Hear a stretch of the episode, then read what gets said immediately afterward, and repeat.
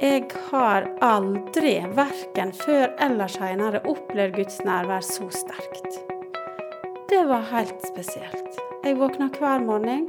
Jeg ville bare synge lovsanger.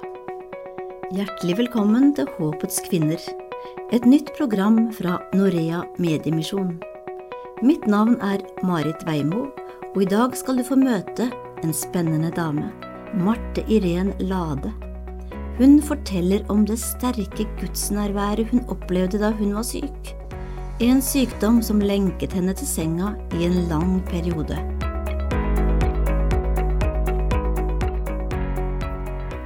I dag er Marte Irén Lade daglig leder på Fjordli ungdomssenter i Nordfjord, og hun er aktiv med i det kristne arbeidet på hjemstedet. Det skulle en ikke tro var mulig, for for noen år siden var hun nemlig sengeliggende med diagnosen ME. Hun klarte ikke å gå mange meter før kroppen sa stopp. Men en dag fikk hun en spesiell hilsen fra Gud. Nå skal du få møte Marte Irén i samtale med Elisabeth Lillebø Z.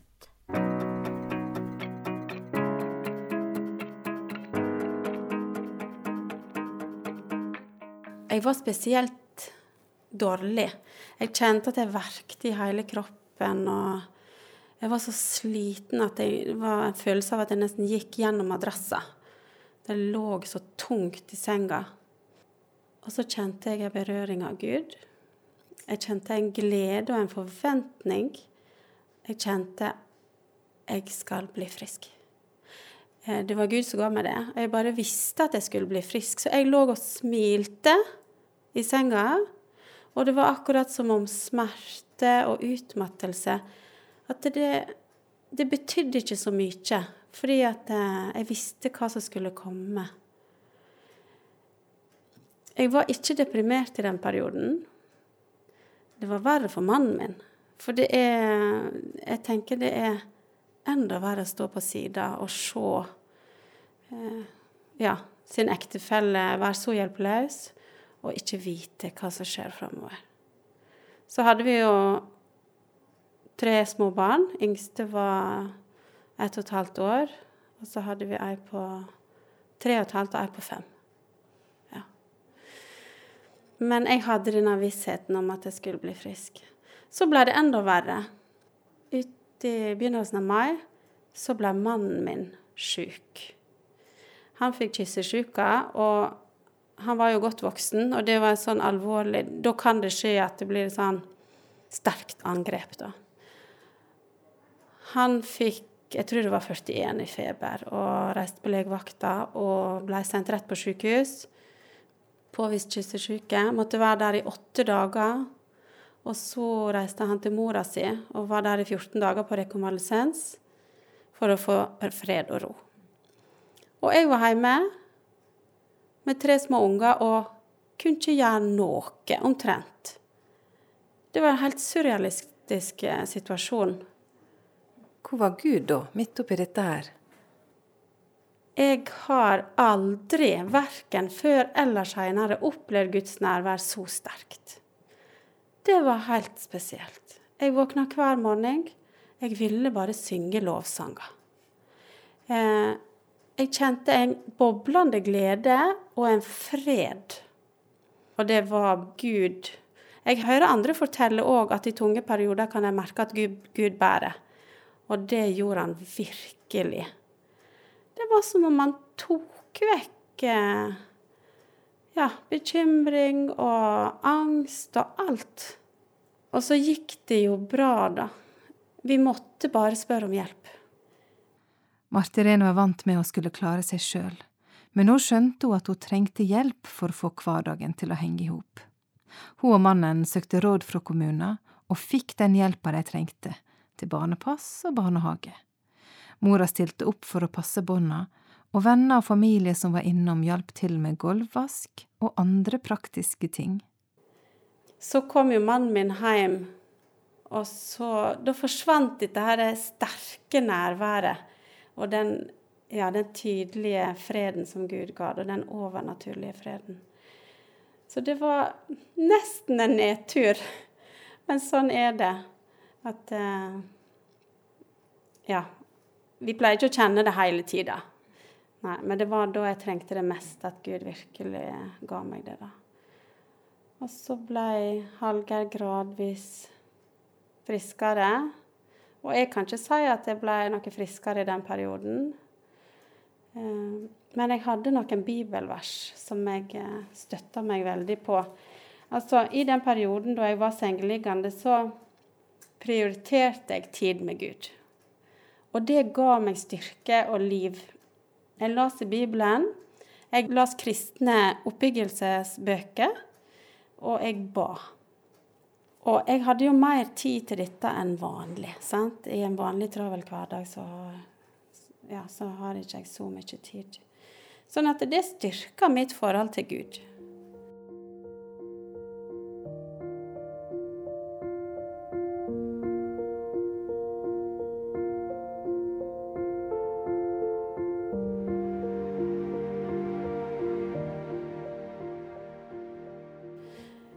Opplevde ikke det bare negativt å være sjuk. Det er en del fordeler med det òg.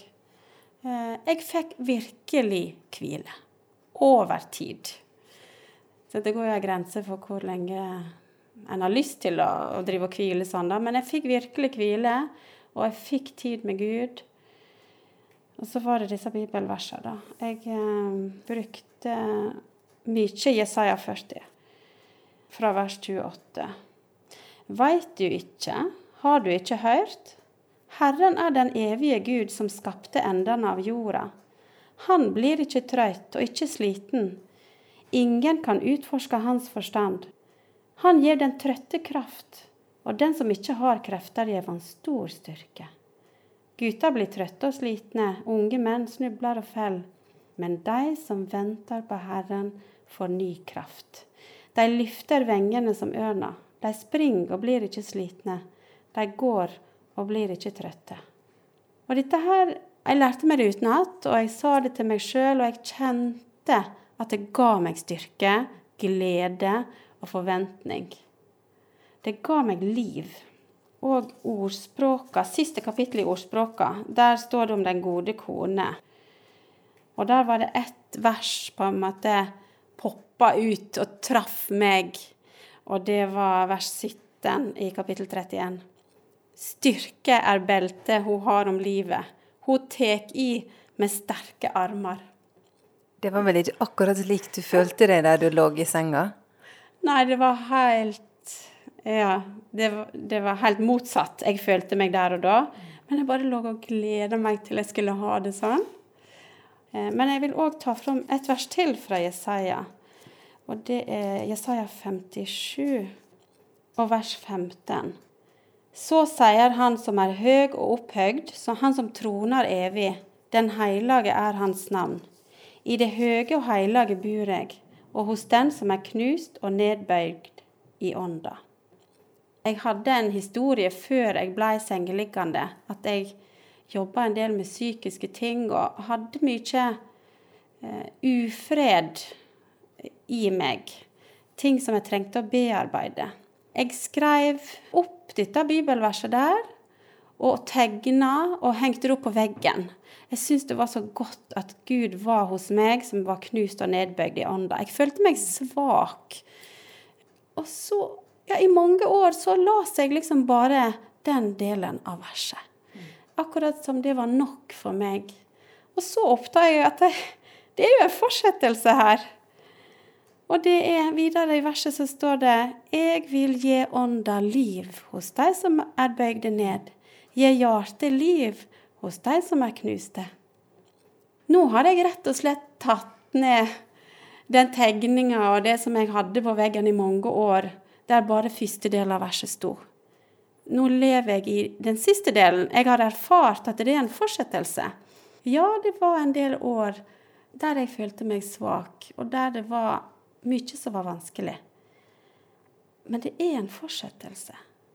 Marti Ren hadde fått ei visshet fra Gud om at hun skulle bli frisk, og hun lurte veldig på hvordan det skulle skje. Etter hvert fikk hun høre om et kurs i London, et tredagerskurs, der folk som var utmatta, hadde blitt friske. Marti Ren var skeptisk og hadde mange spørsmål og innvendinger.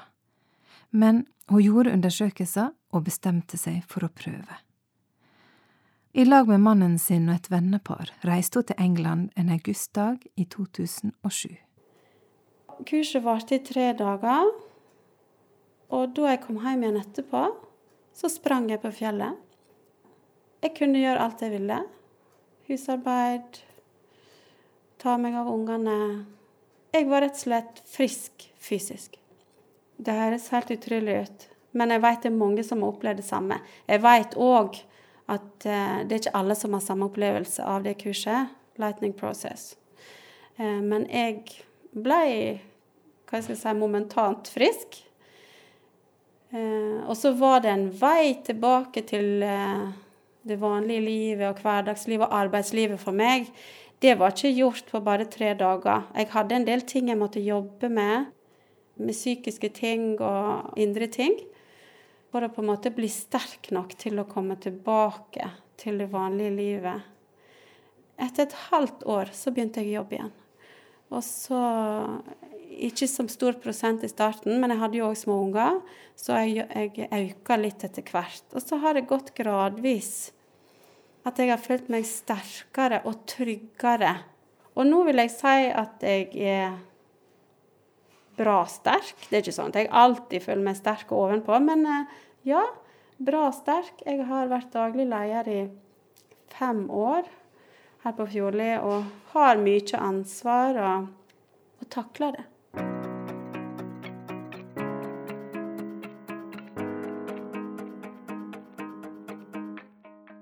Hva har du lært i denne perioden når du ser tilbake på de åra du var syk? Ja, egentlig så ville ikke jeg ha vært det foruten. Det er ganske sterkt sagt. Du var jo sengeliggende, og du var jo i en veldig fortvila situasjon, egentlig. Ja, jeg, jeg, var det. Samtidig som jeg sa i stad, så opplevde jeg òg gode ting med det å være syk. At jeg faktisk fikk god tid til å hvile, eh, til å være med Gud.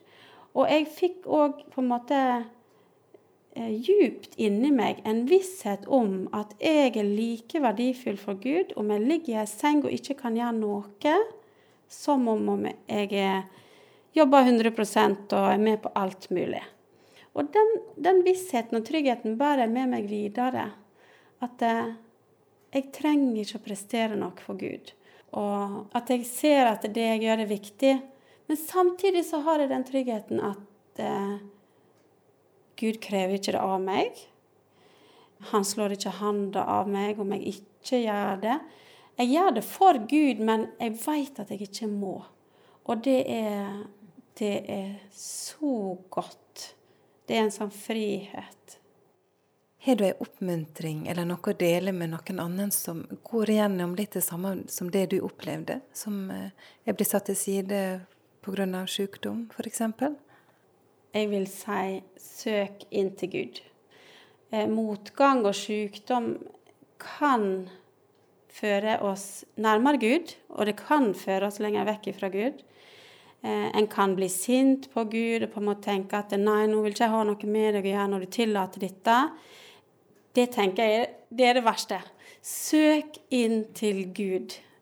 Eh, fordi at eh, Gud har kontrollen, og han har en vei igjennom og ut av det som er vanskelig. Det er noe med motgang og vanskeligheter at eh, vi kan bli enda bedre kjent med Gud, komme enda nærmere Han. Kjenne dypnene i Gud på en annen måte enn når livet er lett. Det er alltid ting å takke for, og alltid gode ting òg, tenker jeg iallfall, i det som er vanskelig. Så søk inn til Gud.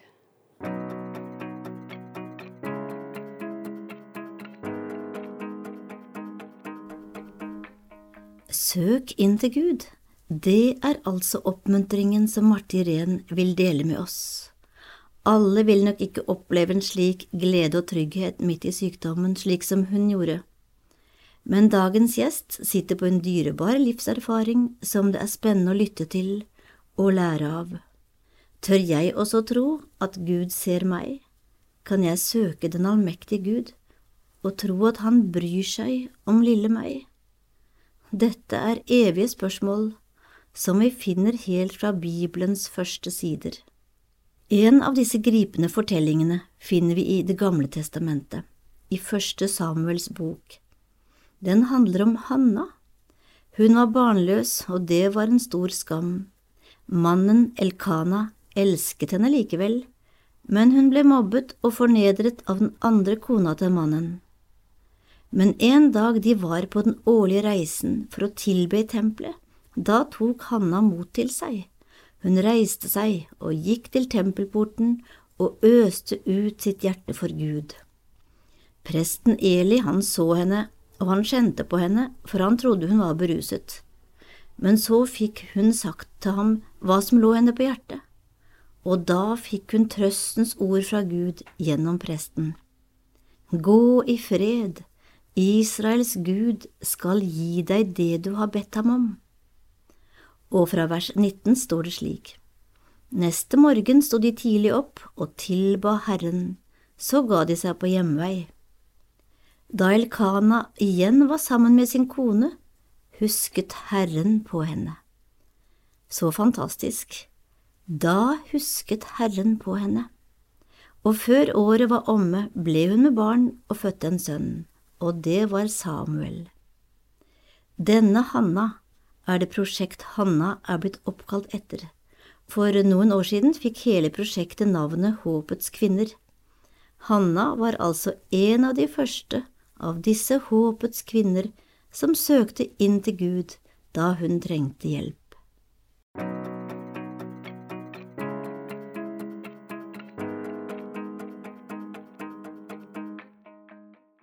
La oss takke og be. Herre, vi takker for at du kan se til oss i vår nød. Takk for at du faktisk kan gi glede og lovsang midt i smerte og usikkerhet. Herre, du ser dem som strever med å tro på deg, og som tror at du har forlatt dem. Kom til dem med din glede og fred, det ber vi deg om, du Gud som er evig Far og fredsfyrste du som sier i Jesaja at før de roper, skal jeg svare, mens de ennå taler, vil jeg høre. Og i dag minner vi deg spesielt om folket og kirken i Albania, som ble rammet av et stort jordskjelv i november. Vi ber spesielt om visdom for kvinnene som er tilknyttet håpets kvinner, og som driver med nødhjelp, og som prøver å gi trøst og håp i sorgen over tapte liv og eiendommer. Ta så imot Herrens velsignelse. Herren velsigne deg og bevare deg. Herren la sitt ansikt lyse over deg og være deg nådig. Herren løfte sitt åsyn på deg og gi deg fred. Amen. Ønsker du deg et lite pusterom i hverdagen? Til å hente inspirasjon og løfte blikket på Jesus? Vi i Norea Mediemisjon inviterer deg til ei håpshelg for damer i alle aldre. Vi møtes på Gimlekollen mediesenter i Kristiansand 24. til 26. april. Denne helga skal du få lov til å bare komme og være og få ta imot. Det får du gjennom forkynnelse fra Rita Aasen, fellesskap med andre damer og seminar om det å være ei håpets kvinne der du bor. Du får også møte Inja. Hun er leder for Norea sitt kvinnearbeid i Sørøst-Asia. Hun kommer for å gi oss et sjeldent innblikk i kvinners situasjon i Nord-Korea. Og hvordan vi kan gi dem håp gjennom radio. Vi håper og tror at du denne helga får styrke og mot til egen tjeneste. Det er bare helt fantastisk å være her. Her blir du møtt med varme og omsorg. Du får påfyll for ditt eget liv og du får innsikt og inspirasjon og ser hva du faktisk kan være med på. Det er bare helt fantastisk arbeid. Kom om du er alene og ikke kjenner noen fra før, fordi vi samles som søstre, og det er som å møte en familie. Det er et fantastisk fellesskap som er her, og man blir inkludert og tatt vare på på en veldig unik måte. Gå inn på noreabutikken.no, så får du den informasjonen du trenger om inspirasjonshelga i Kristiansand 24. til 26. april. Du kan også følge arrangementet på Noreas Facebook-side for jevnlige oppdateringer. Du er hjertelig velkommen. Takk for at du var med oss i dag. Gud være med deg.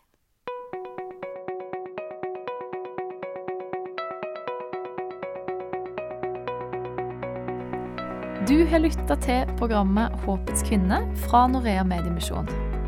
Ønsker du informasjon om vårt arbeid, gå inn på norea.no. Der finner du også podkasten vår og informasjon om hvordan du kan være med og be for verdens kvinner.